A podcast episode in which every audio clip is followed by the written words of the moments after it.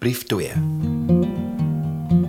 Daar's geen tydsmaat wat die lengte kan meet van hoe lank 'n Koreaanse kind na jou kan staar as jy wag vir 'n antwoord wat hulle nie ken nie. Meeste Koreaners het maar dieselfde tipe skreefies oogies wat ons vereenselwig met elke oosterse ras. Hulle sin gaan dog nie skerp op of af nie. Dis eintlik so half van ewe toegetrek aan die bo en die onderkant. Hulle oogies is pikswart en behalwe vir die swart haartjies op hulle koppe is dit omtrent al wat dieselfde is. Hierdie kinders is uitbundig en spelerig.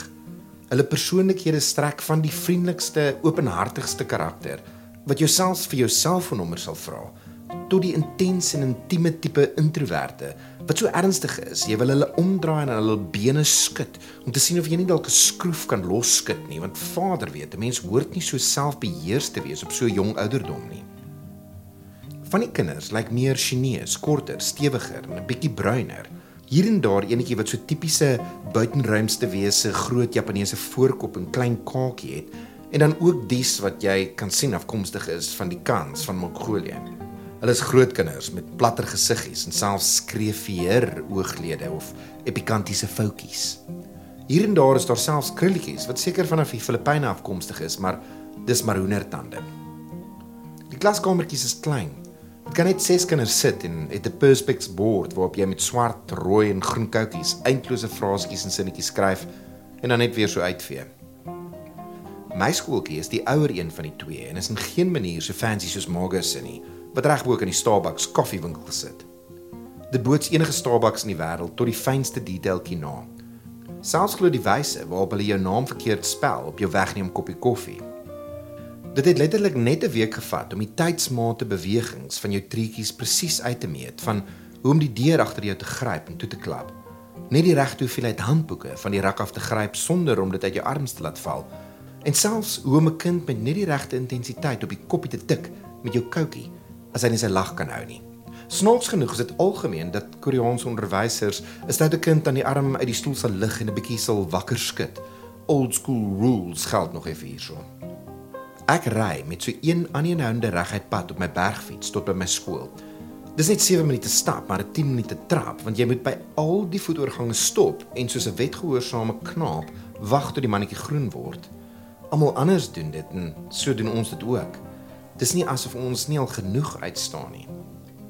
Môre ry deur 'n park met 'n trimparkbaan, uiters 'n klein golf chipping grasperk wat hulle ground golf noem, 'n basketbalbaan en 'n hardloopbaan wat om die park krul. Na hierdie retjie is die natuur skoon verby, want dan klim sy vir so 500 meter opdraan verby 'n horde winkeltjies tot by haar skool. Maar terugkom is wind in die hare en baie wat sukkel om by te hou. Sy het vandag met 'n opgepofte bors deur die deur gestap en gesê sy hoef nou net een keer te stop om die laaste paar meter haar fiets die bult uit te stoot. Maar sê dat haar bene nog steeds soos 'n bak jelly bewe as sy die een verdieping op moet stap tot by die skool se klaskamers maar die ononderbroke trap tot dit styl raak is 'n mylpaal vir haar. Sy kan selfs met 'n rokkie aanry sonder om op seën te wees, want sy het die tegniek bemeester.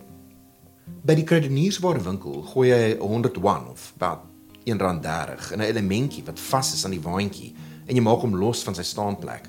As jy hom terugdruk in die ander trollies in, spoeg hy weer die 101 vir jou uit. Maar tog kry jy soms steeds die waantjie wat 'n wielietjie het wat die hele tyd eenkant toe wil gaan en selfs iemand wat 'n verkoue gehad het en al tissues in die waandjie agtergelaat het.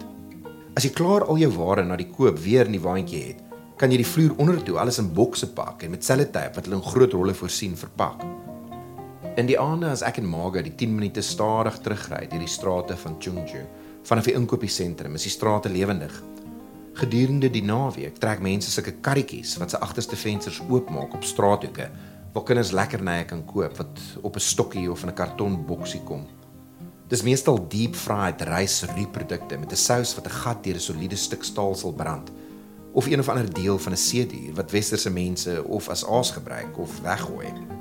Daar's 'n tasbare en deurdringende gevoel van vrede en respek wat met die konstantheid van 'n elektriese stroom wat in series geskakel is deur die hele gemeenskap ham.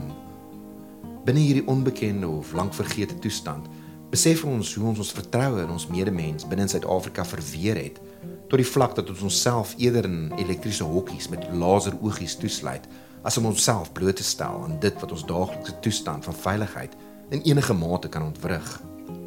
Daar's nie bedelaars nie, Kagaards, revolusionêre grondeisers of groepe mans wat op straathoeke staan en wag vir 'n bakkie om hulle vir 'n dagloon na 'n konstruksiewerf te neem nie.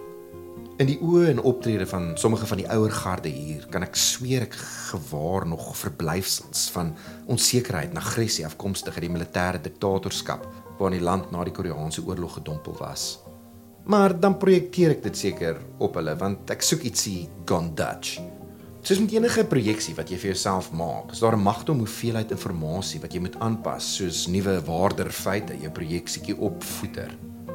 So word jy verseker om weg te vat, by te voeg en aan te pas tot jou oorspronklike prentjie 'n bietjie meer soos 'n deelskepping lyk en jy weer met ywerheid blindelings daarin kan glo. Die voordeel van om in die spesiegroepering van Homo sapiens te val, is dat ons die vermoë het om hierdie nodige aanpassings te kan maak.